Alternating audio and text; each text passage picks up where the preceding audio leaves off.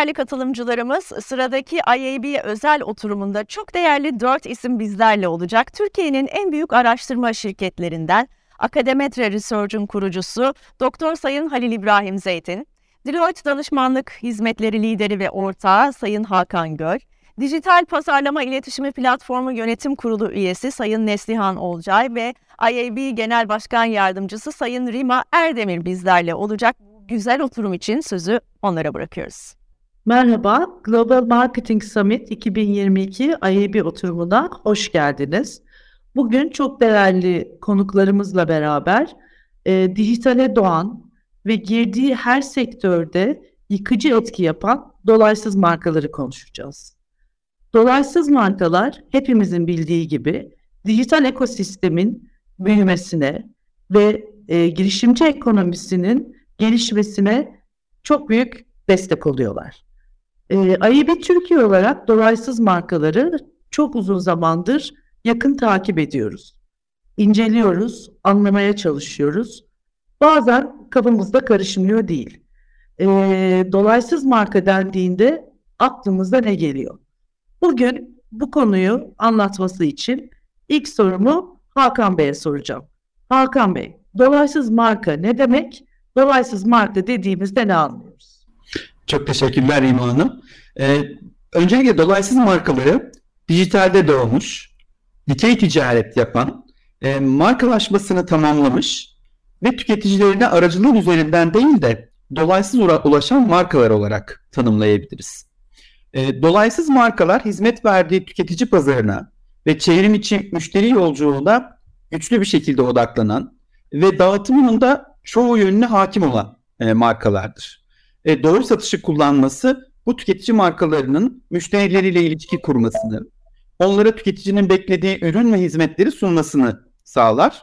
Bu da sonuçta çok iyi bir deneyim anlamına gelir e, geleneksel bir perakendeciden ve e-ticaret oyuncusundan da farklı olarak dolaysız markaların kullanıcı deneyimini vurguladığını, geleneksel alışveriş deneyimine tabiri caizse meydan okuduğunu ve satış hunesinin de ayrılmaz bir parçası olarak ilgi çekici içerik yarattığını söyleyebiliriz.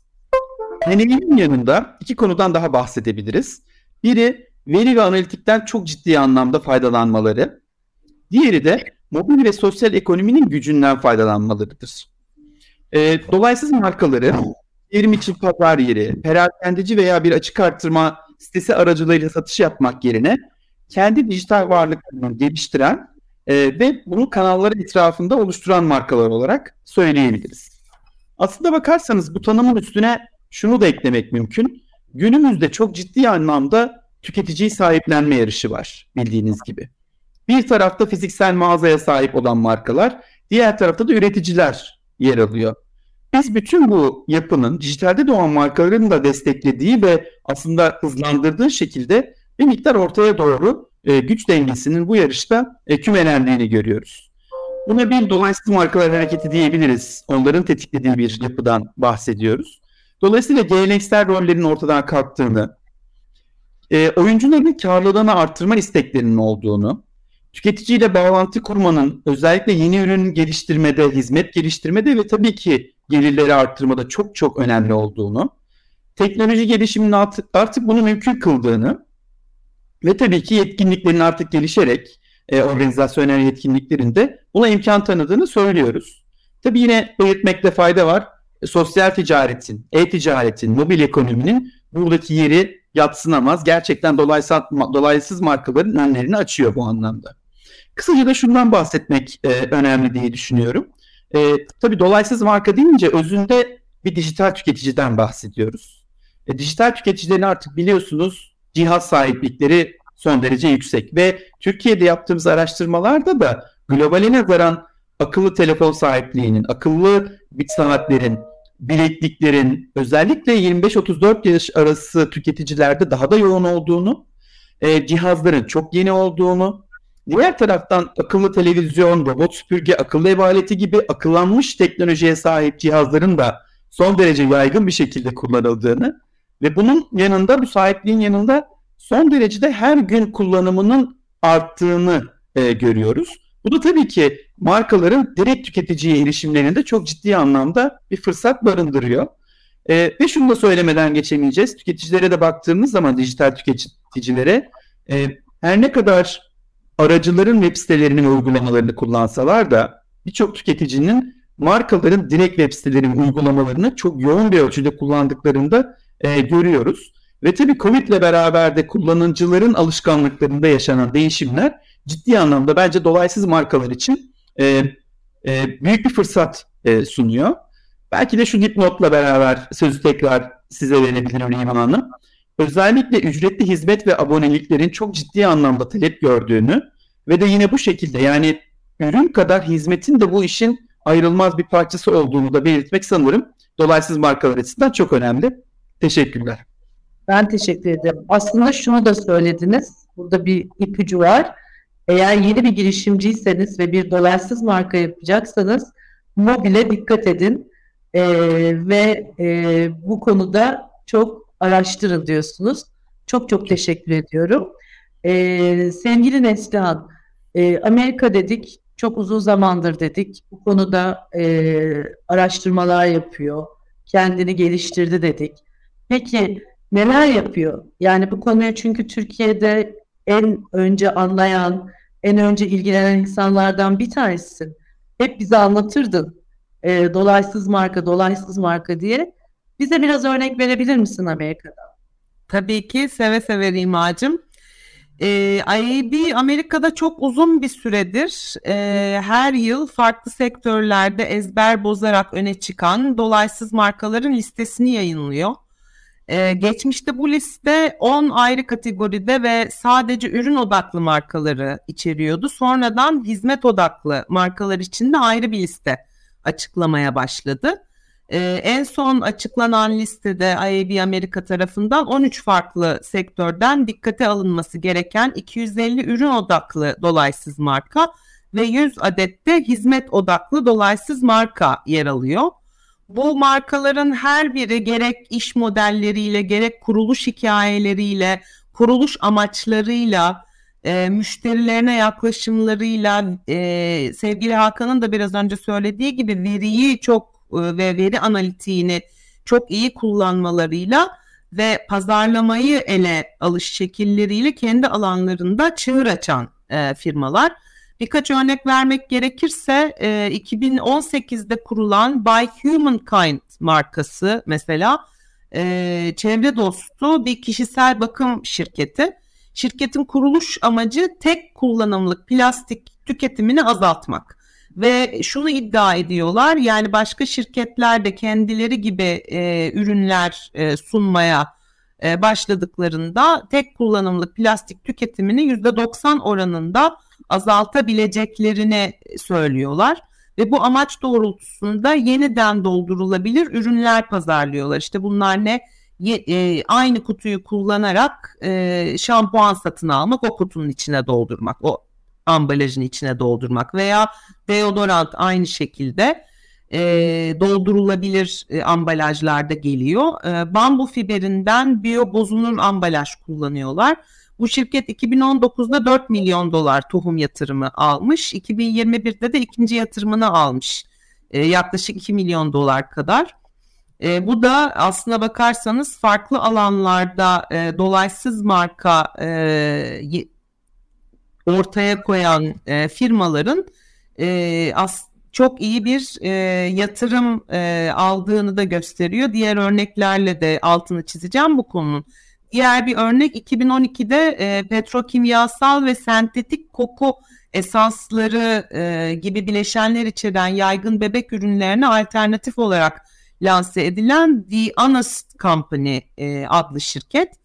E, ünlü aktris Jessica Alba e, kurucuları arasında bu şirketin 2008 yılında e, ilk bebeğine dünyaya getiriyor fakat piyasadaki bebek ürünlerine bebeğin alerjisi olduğu ortaya çıkıyor. Bunun arka planını araştırınca aslında bu ürünlerde kullanılan ham maddelerle ilgili bir sıkıntı olduğunu fark ediyor ve 3 sene boyunca e, yatırımcı arıyor ve sonuçta bulduğu yatırımcılarla beraber The Honest Company şirketini kuruyor. Bebekler ve bebekli aileler için güvenli ve çevre dostu ürünler sunmaya odaklanıyor bu şirket cirosunun %80'ini aylık abonelikle online olarak yapılan satışlar oluşturuyor. Hakan da biraz önce bu abonelik sisteminin altını çizmişti. Dünyada oldukça yaygın bu iş modeli. E, The Honest Company'nin ürünleri bugün sadece kendi online mağazalarında değil e, artık multi-channel e, hale gelmiş vaziyette. E, Whole Foods, Costco, Target, Buy Baby Buy, e, Nordstrom gibi firmaların mağazalarında da bulunabiliyor. 2013 yılında 50 milyon dolarlık satış gerçekleştirmiş e, The Honest Company. E, 2022'de yapılan son değerlendirmede şirketin değeri 550 milyon dolar. Yani kaç misline katlamış vaziyette e, çok kısa bir süre içerisinde. Ve şirket pazarlamasını da öncelikle Jessica Alba'nın yaklaşık 20 milyon Instagram takipçisini e, hedefleyerek e, pazarlama yapıyor. Kurulduktan 5 yıl sonra ilk e, kampanyasını hazırlıyor ve o kampanya esnasında da e, çekilen reklam filmlerini şirketin kurucuları birebir yazıyorlar. Kendi deneyimlerinden, kendi bebekleriyle, kendi çocuklarıyla olan deneyimlerinden yazıyorlar. Bu da pazarlamaya enteresan bir bakış açısı. Diğer bir örnek 2016 yılında kurulan Oli adlı köpek maması. Ee, bunun da dikkate değer bir hikayesi var. Mintel'in bir araştırması Amerika'da yapılan işlem görmüş. Evcil hayvan mamalarında bulunan tehlikeli ve sağlıksız içerikler sebebiyle e, Amerika'daki e, köpeklerin %60'ının şeker ve kanser hastalığına yakalandı. Son 10 yılda bu oranın %900 arttığını gösteriyor. Diğer taraftan aynı araştırma evcil hayvan sahiplerinin %72'sinin e, evcil hayvanlarını aslında ailelerinin bir parçası olarak gördüğünü, %79'unun evcil hayvan mamalarının kalitesinin kendi gıdaları kadar önemli olduğunu düşündüğünü gösteriyor. E, Oli tam da bu sebeple insanlar için kullanılan içeriklerle üretilen ve akıllı teknoloji kullanılarak köpeğinizin ihtiyaçları doğrultusunda tasarlanan ve kapınıza gelen sağlıklı bir köpek maması. E, firma kuruluşundan bu yana yaklaşık 50 milyon dolarlık yatırım almış e, durumda. Listede hizmet odaklı markalar da artık var demiştim. Bunlara Coursera, Duolingo, Cambly gibi ülkemizde de iyi bilinen markaları e, sayabilirim. E, pandemi sırasında e, dünyadaki birçok üniversite başvuru ve kabul işlemlerinde TOEFL ve IELTS gibi e, dünyada e, yaygın olarak e, kullanılan İngilizce etkinlik sınavlarına ek olarak Duolingo İngilizce testi sonuçlarını da kabul etmeye başladı. Yani böyle de bir e, bilgi var. Artık siz anlayın bu dolaysız markaların e, dünyada geldiği noktayı. E, örneğin e, Learn to Live diye bir şirket var. E, akıl sağlığı e, problemi e, yaşayan, mental e, sağlık e, problemleriyle e, uğraşan e, kişilerin e, psikolog ya da terapist e, bulmasını sağlıyor. Twigtail diye bir şirket var mesela e, IAB Amerika'nın listesinde. E, ebeveynlere çocukların geçirdiği e, çeşitli süreçlerde e, tavsiyeler vermek üzerine kurulmuş. Ne olabilir bunlar? İşte eve yeni bir bebek geldiyse, bir kardeş geldiyse, e, evden eve taşınıldıysa, çevre değiştirildiyse ya da ailede e, hastalık gibi, ölüm gibi e, bir takım e, vakalar yaşandıysa çocukların bu durumlara adapte olmasını sağlamak üzere çalışan bir şirket. Letop diye bir şirket var. Buna bayılıyorum. E, kadınlara e, moda e, ürünlerini e, kiralayan bir şirket. Yani satın almıyorsunuz. Letot üzerinden kiralıyorsunuz. Dolayısıyla da benzersiz iş modelleri ve e, hakikaten dikkat çekici hikayeler var. Dünyada sürdürülebilirliğe dokunan e, şirketler var dolaysız markalar arasında. Not olarak IAB bu listeleri oluşturmak için e, Dun and e, Bradstreet, Rival IQ, CB Insights gibi e, firmalardan ticari veri ve içgörü topluyor. İlgilenenler yıllar bazında açıklanan e, IAB listelerini iab.com adresinde Direct Brands to Watch araması yaparak e, ulaşabilirler. Çok teşekkür ediyorum Neslihan. Sen de datanın önemini altını çizdin. Ve bence verdiğin örneklerde şunu çok net gördük. Sürdürülebilirlik için dolaysız markalar inanılmaz e, güzel işler çıkartmış ve çok başarılı sonuçlar var. E, tabii Amerika çok büyük bir pazar. Şimdi Halil Bey Türkiye pazarına dönecek olursak siz Türkiye pazarını bu konuda nasıl görüyorsunuz? Biz çok mu ilerideyiz? Çok mu gerideyiz? Nasılız? Çok teşekkür ederim Rima Hanım. Benim için erken bir soru bu aslında. Öyle mi? Ee, Neslihan'dan harika örnekler dinledik. Amerika'da e, ki dolaysız marka örneklerini dinledik. Hakikaten e, çok e, heyecan veri, verici örnekler bunlar. Peki Türkiye'de durum nasıl? Tam da bu sorudan yola çıkarak e, Rima Hanım, Türkiye'nin dolaysız marka envanterini e, IAB ile birlikte IAB adına e, hazırlama çabası içerisine e, girdik. Yani bu, e, bu sene e, Türkiye'nin dolaysız marka envanterini e, hazırlamak üzere bir araştırma süreci içerisine girdik. Şimdi sevgili Hakan çok... Pardon, siz söyleyeceğinizi keseceğim. Çok çok güzel bir gelişme. Evet, çok teşekkür ederim. Biz de çok heyecanlıyız. Buradaki verdiğiniz destekler için çok teşekkür ediyoruz IAB adına. Çok heyecanlıyız ama inanın hiç kolay bir süreç değil. Ee, sevgili Hakan Bey çok güzel bir şekilde bize dolaysız markayı tanımladı. Şimdi dolaysız markanın aslında özünde değişen ya da dolaysız markaların doğuşunda değişen tüketici ihtiyaçları ve ana ekonomisi dediğimiz o zen, e, zenginleştirilmiş anlara odaklanan yeni ekonomik dinamikler var. Dolayısıyla değişen tüketici davranışları da biraz yerel özellik gösterebiliyor. Buradan yola çıkarak aslında dünyada anlamaya ya da tanımlamaya çalıştığımız dolaysız markaları Türkiye'de bir yeniden ele alma, yeniden tanımlama ihtiyacı doğdu.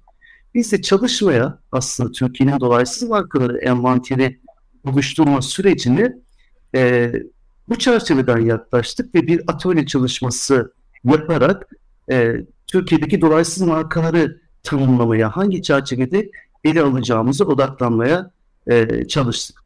E, arkasından çok geniş bir e, Türkiye'deki dijital alanda faaliyet gösteren işletmeleri tarama süreci gerçekleştirildi. Ve o tarama süreci sonrasında da e, bahsettiğimiz atölye çalışması içerisindeki tanıma uygun olan e, dolaysız markaları e, belirleme aşamasına geçtik. Çok yakın süre içerisinde e, bunun listesini açıklıyor olacağız. Aslında dünyada söylediğim gibi e, dolaysız marka tanımlanmaya çalışılıyor. Ortada bir vaka var, ortada bir olgu var. Dijitale doğmuş olan, markalama sürecini dijitalde tamamlamış olan ve bulundukları alanda radikal değişiklikler e, ortaya koymuş olan yeni markalar var ve biz bunları ortaya koyduğu özelliklerden yola çıkarak tanımlamaya çalışıyoruz. E, evet bunlar her şeyden önce markalama sürecini dijitalde tamamlamış. Yani dijital yerliler e, Neslihan Hanım'ın da Hakan Bey'in de bahsettiği gibi veri odaklılar, tüketici odaklılar. Yani geniş kitlelere, ortak ihtiyaçlar çerçevesinde kitlelere ulaşmak yerine personaya hatta bireyin ihtiyaçlarına odaklanan, bireyin ihtiyaçlarını karşılamaya dönük e, yatay ticaret yerine dikeyde derinleşmeyi tercih eden markalar. E, buradan yola çıkarak da aslında hep gözlerinde çok özelleşmiş bir hikayeleri var. Türkiye'nin de harika hikayelere sahip olan markaları var. Biz de onları tanımlamaya çalışıyoruz. Bunları tanımlarken amacımız yalnızca envanter çıkarmak değil. E, çıkardığımız bu envanter doğrultusunda e, Türkiye'nin dolaysız marka ekonomisinin büyüklüğünü ortaya koymak, yani oluşturduğu sosyal değişimi tanımlamak gibi amaçlarımız da var. E, bu doğrultusunda iki temel kriterimiz var bizim. Türkiye'deki dolaysız markalarla ilgili bir ekonomik endeks oluşturuyoruz. Bir de dijital marka endeksi oluşturuyoruz. Bu iki unsurdan yola çıkarak Türkiye'nin dolaysız marka endeksini oluşturup periyodik biçimde e, bu alandaki değişimi takip etme çabası içerisinde bulacağız. Bir yakın zamanda açıklamanın heyecanını taşıyoruz. Ali Bey, IAB olarak çıktıklarınızı heyecanla bekliyoruz. Çok teşekkür ediyorum açıklamalarınız için. Hakan Bey tekrar size bir sorum olacak. Dolaysız markaların sürdürülebilir yetkinlikleri konusunda neler söylemek istersiniz? Ee, şimdi sürdürülebilirlik tabii birçok perspektiften ele alabileceğimiz bir konu. Öncelikle bu iş modelinin sürdürülebilirliğine e, yer vermek gerekiyor. Çünkü bu başarılı örnekler kadar başarısız örnekler de var e, dünyada. E, dolayısıyla bunu sadece bir web sitesi açtım, buradan da satış yaptım olarak görmemesi gereker tabii ki girişimcilerin. Dolayısıyla bir başka dünyadan bahsettiğimizden hepimizin farkında olmamız gerekiyor. Şunu söyleyebiliriz. Bir kere fırsatlardan bahsedelim bu iş modeli sürdürülebilirliği açısından. Kime ulaşırız? Aslında gelenekselde sonlu müşteriye ulaşırken aslında dolaysız markalarda neredeyse sonsuz bir müşteriye ulaşma şansımız var. Kişiselleştirmenin geleneksel markalar için biraz segment bazlı yapıldığını biliyoruz. Ama dolaysız markalar bunu gerçekten kişisel bazda yapabilir. Birkaç kere de üzerinden e, geçtik. E, sadakat programlarından bahsederiz artık hatta ölüyor mu diye de konuşuruz. Belki geleneksel markalar için sadakat programı ölecek ama dolaysız markalar için çok ileri düzeyde bir sadakat programından bu anlamda bahsediyoruz. Müşteri erişim anlamında geleneksel markalar limitli, periyodik bir etkileşimde bulunurken müşteri yolculuğundan bahsetmiştik. Dijitalde doğan markalar buna hem bütünsel bakabiliyorlar hem de gerçek zamanlı yapabiliyorlar. Ee, geleneksel markaların e-ticaret açılmalarıyla en önemli sorun aslında fiyatlandırmada çok kısmi bir kontrollerinin olduğunu görmeleri iken dolaysız markalar fiyatlandırma ve bunun yanında merchandise üzerinde yani ürün portföyü üzerinde de tam kontrole e, sahipler. Ve tabii ki pazara erişim bir tarafta çok yavaşken, çok fazla yatırım yapmak gerekirken dolaysız markalarda çok hızlı ölçekleyebilmenin olduğunu görüyoruz. Bunun getirdiği de gelenekselde çok yüksek bir CAPEX'ten, yatırım maliyetinden ve yüksek genel giderlerden bahsederiz. Ama dolaysız markalarda bunun düşük olduğunu çok net bir şekilde söyleyebiliriz. Bir altını çizeceğimiz nokta da belki finansallara değinmişken dolaysız markaların en çok dikkat etmesi gereken konu aslında operasyonel maliyetleri yönetimi. Ee, yani sipariş başına düşen ve veya transaction başına düşen maliyetlerin pazarlama harcamaları yönetimi aslında iş modelinin sürdürülebilirliği anlamında en önemli konu olarak karşımıza çıkıyor. Tabii ki hangi etkinlikler geliştirilmesi gerekiyor? Toparlayacak olursak da ilk konuşma ve buranın kendi adıma büyük veriden bahsediyoruz ve bu büyük verinin gerçek zamanlı analitiğinden bu anlamda bahsediyoruz. Çok ciddi bir dijital pazarlama yetkinliğinden, tabii doğal olarak bir dijital platformun geliştirilmesinden bu anlamda bahsedebiliriz. Ölçekleyebilmek için de belki önemli konulardan biri self servis yardımının yani chatbotların çok kritik olduğunu görüyoruz. Loyalty programlarından bahsettik. Bunun yanında çok güçlü bir içerik olması gerekiyor. İster ürün ister hizmet sunalım. İçerik ile biz müşteriyi ancak ve ancak e, ikna edip sürdürülebilirliğini sağlarız gibi duruyor. Bunun için de e, çok ciddi anlamda sosyal ve immersive yani bizi çepeçevre saran bir yoğun pazarlama faaliyetinin e, olduğundan da bahsedebiliriz. Çok kısa şuna da dokunayım. E, Neslihan da bahsetmişti az önce sürdürülebilirlik konusu. Tabii ki çevre etkisi de çok çok önemli e, bunun. Günümüzde tedavi zincirlerinin kırıldığı, son iki yılda özellikle resilience yani dayanıklılığın çok önemli bir noktaya geldiği günümüzde aslında dolaysız markalar burada daha şanslılar. Ve aslında birazcık bu işin en iyi yapılabilecek e, yöntemini gösteriyorlar tüm e, dünyaya. E, sürdürülebilirlik dolaysız markaların gündeminde, çevre etki anlamında e, özellikle bu genç tüketiciler için çok cazip, çok ilgi çekici. Şunu göreceğiz. Bu markalar sözlerini ne kadar tutabiliyorlar? Bunu göreceğiz bir taraftan. Diğer taraftan da şunu söyleyebiliriz. Hep odakta dijital tüketici var dedik. E, dijital tüketici de krallar gibi hizmet bekleyen bir tüketiciye dönüştü. Dolayısıyla biliyoruz ki dolaysız markalar, e-ticarette hizmet veren markalar en fazla ambalaj kullanan, en fazla karbondioksit salınımına da neden olan markalar olabiliyorlar. Öyledir demiyorum ama olabiliyorlar. Bu da herhalde gelecekte gösterecek bize dolaysız markaların çevreye olduğu olan etkilerini ve sürdürülebilir olan katkılarını bizlere gösterecek diye düşünüyorum. Çok teşekkür ediyorum. Sizin altını çizdiğiniz veya benim sizin söylediklerinizden en çok dokunan bana dijitalde bile olsanız datayla ve loyalty programlarıyla aslında müşteriyle en çok ilişkiyi sağlayan e, dolaysız markalar. O yüzden bu konu çok önemli diyorsunuz. E, Neslihan'cığım ben de sana şeyi sormak istiyorum. Hep dolaysız marka, dolaysız marka dedik. Tabii bir de hayatımızda konvansiyonel markalarımız var. Şimdi dolaysız markalar ve konvansiyonel markalar birbirlerinden neler öğrenebilir veya nasıl faydalanabilirler? Birazcık bunları bize anlatabilir misin? Tabii ki. E, aslına bakarsan e, Hakan kendi e, kısmında çok güzel e, burayı da e, anlattı iki e, tarafı karşılaştırırken yani geleneksel markalar ve dolaysız markaları karşılaştırırken ama e, dediğin doğru birbirlerinden öğrenecek e, çok şeyleri var hakikaten. E, şimdi dolaysız markalardan neler öğrenebilirler geleneksel markalar kısmına ben odaklanayım e, biraz. Çünkü Hakan özellikle dolaysız markaların dikkat etmesi e, gerekenlerin altını e, çizdi. Ben kişisel müşteri ilişkilerinin ilk sırada olduğunu düşünüyorum. E, hakikaten tüketici deneyimine, tüketici yolculuğuna takıntılı denecek kadar önem veriyor dolaysız markalar. Ve kişisel bazda etkileşim kuruyorlar. Kişisel bazda derken sadece tüketiciyi kişi olarak söylemiyorum. Kurucuları birer insan ve çok göz önündeler. Sosyal medyayı muhteşem kullanıyorlar. Ee, çok büyük prodüksiyonlarla içerik üretmeye çalışmıyorlar. Ee, Tam tersi hani ellerinde cep telefonları varken şirketleriyle ilgili, çalışanlarıyla ilgili, ürünleriyle ilgili, ürünlerinin üretim süreçleriyle ilgili ya da e, yaptıkları e, enteresan e, pazarlama aktivitelerini anında paylaşmak gibi yöntemler kullanıyorlar. Dolayısıyla da tüketicinin bu markalarla ilişkisi kişisel oluyor. O kadar ki işte kurucusunun ve üst düzey çalışanlarının e, kişisel e, hayatını da biliyor.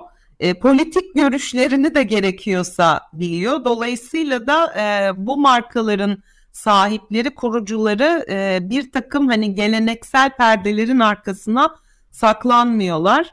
E, hatta büyük şirketlerin bu şekilde davranan yöneticileri de kendileri biraz e, şey yapmış vaziyetteler. E, markalaşmış vaziyetteler. Yani şimdi Tesla markasını düşünelim. Tesla markası deyince direkt olarak kurucusu geliyor aklınıza değil mi? Niye? Çünkü sosyal medyayı hakikaten çok iyi kullanıyor. Ee, özel hayatını da biliyorsunuz, yaptığı yatırımları da biliyorsunuz. Yani hani büyük firmalarda e, startuplardan bu şekilde bir şeyler öğreniyorlar. Bunun dışında e, hikaye dedim çok önemli en başta konuşurken e, hakikaten e, tüketici artık e, bir markanın amacının ne olduğunu bilmek ve kendi değerleriyle örtüşen değerlere sahip markaların peşinden gitmek istiyor. Omuz omuza hem onları desteklemek istiyor hem onların kendi değerlerini nasıl desteklediğini mesela sürdürülebilirlikle ilgili değerlerini destekleyen firmalardan alışveriş yapmak istiyor. Büyüye ya da küçüğe bakmıyor. Anlatabiliyor muyum ne demek istediğimi? Zaten o yüzden dolaysız markalar bu ortamda bu kadar başarılı olabiliyorlar. Ee, büyük markalar, geleneksel markalar amaç pazarlamasına deli gibi kafa yormaya çalışırken, deli gibi bu alanda para harcamaya çalışırken bu şirketlerin çoğunun zaten kuruluş amacı e, bütün hikayenin bir parçası ve en baştan itibaren hem sosyal ortamda hem web sitelerinde paylaşılıyor. E, tüketiciler kendileri hatta bu hikayenin, e, bu amacın bir savunucusu haline geliyorlar. E, iki yönlü bir ilişki kuruyor olmaları tüketicisiyle markaların bence e, büyük markaların en çok örnek alması gereken konulardan e, bir tanesi e, diye düşünüyorum. E, veriyi zaten konuştuk. E, büyük veriyi mikro seviyede ele almanın günümüzdeki öneminden e, zaten bahsettik. E, bunu öğrenmesi lazım. Hakan içeriye değindi. E, ben de bunun altını çizmek istiyorum. İçeriği farklılaştırıcı bir unsur olarak kullanıyor dolaysız markalar. Biraz önce anlattım işte cep telefonunu çıkartıyor, bir şeyi çekiyor hemen paylaşıyor. E, gerek çalışanı, gerek kurucusu, gerek üst düzey yöneticisi. E, bunun dışında da e, bir takım e, pazarlamada hakikaten geçmişe de baktığımızda oyunun kurallarını değiştiren işler yaptıklarını görüyoruz. Yani dünyada YouTube influencerlarını kullanan, e, bu vi- videoları kullanan ilk marka mesela Ipsy markası. Ipsy markası özünde bir e, direct brand, direct to consumer brand, dolaysız marka. E, işte celebrity, e, ünlülerin organik olarak kullanılması. The Honest Company'den biraz önce bahsettim. Zaten kurucusu ünlü.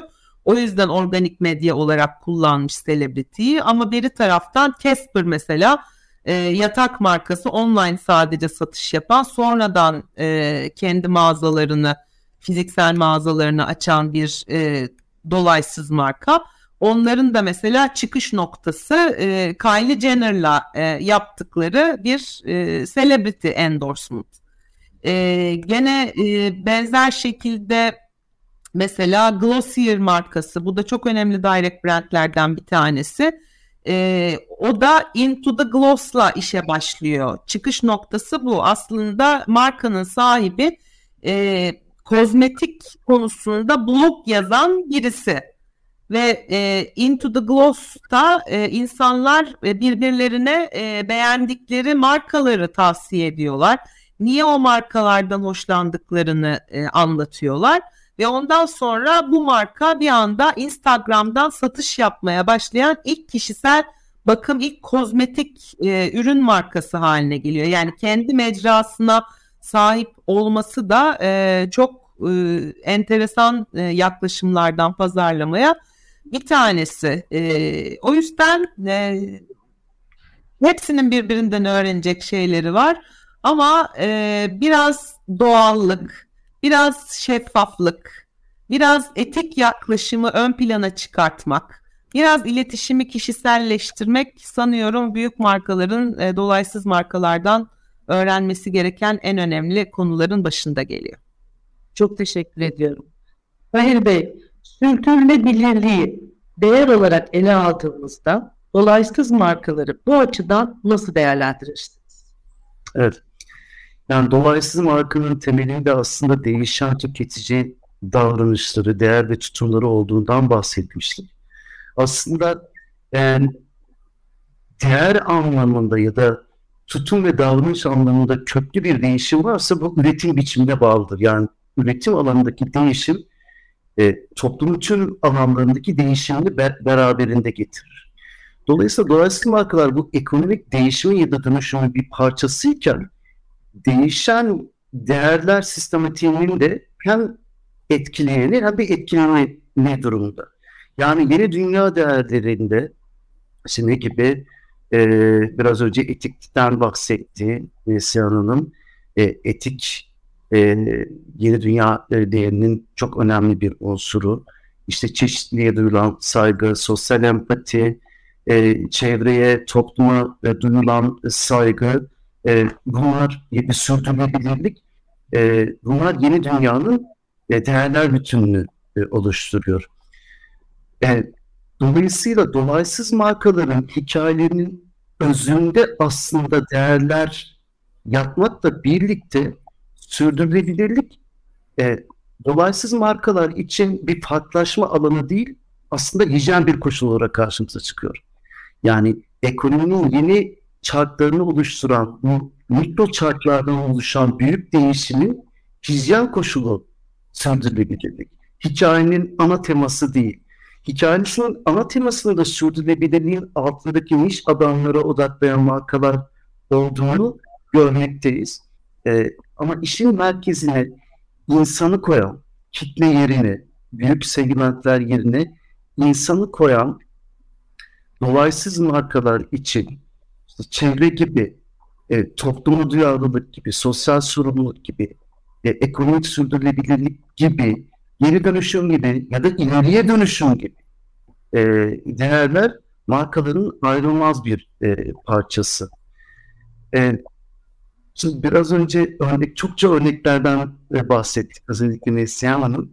E, dolaysız markalar içerisinde bir de paylaşım ekonomisi içerisinde yer alan markalarında değil mi Neslihan Hanım? Ve çok evet. yer aldığını görüyoruz. Dolayısıyla bu paylaşım ekonomisi de aslında sürdürülebilirlik için gerek hani e, çevresel sürdürülebilirlik için, gerek ekonomik sürdürülebilirlik için e, çok önemli bir alan. Dünyada çok büyük bir e, ekonomi oluşturuyor paylaşım ekonomisi ve bu paylaşım ekonomisi içerisinde e, şahane örneklerine rastladığımız dolaysız markalar var.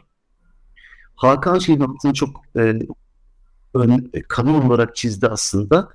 E, sürdürülebilirlik her şeyden önce ayakta durmayı gerektirir değil mi? Ekonomik olarak karlılığı gerektirir. Ama bunu yaparken de sorumluluğu da gerektirir. İşte dolaysız marka işin merkezine insanı koyduğu için aslında merkezine koymak değil, sürecin bir parçası getirdiği için tüketici e, bu noktada da sürdürülebilirlik gibi e, çevreye, dünyaya duyarlı olmak gibi değerler işin ayrılmaz e, hijyen bir parçası olarak karşımıza çıkıyor. Çok teşekkür ediyorum. Şöyle kısaca bir toparlamak istersem e, bizim bugün konuştuğumuz dolaysız markalarda e, datayla tüketiciyle direkt, samimi, gerçek ve sürdürülebilir olmak e, herhalde dolaysız markaların en büyük noktası diye düşünüyorum. Eksik kaldığım bir şey varsa lütfen tamamlayın. Çok çok teşekkür ediyorum bugünkü katılımınız için. Ee, Global Marketing Summit'e de burada hepiniz adına bir kez daha teşekkür ediyorum. Teşekkürler. Çok teşekkürler.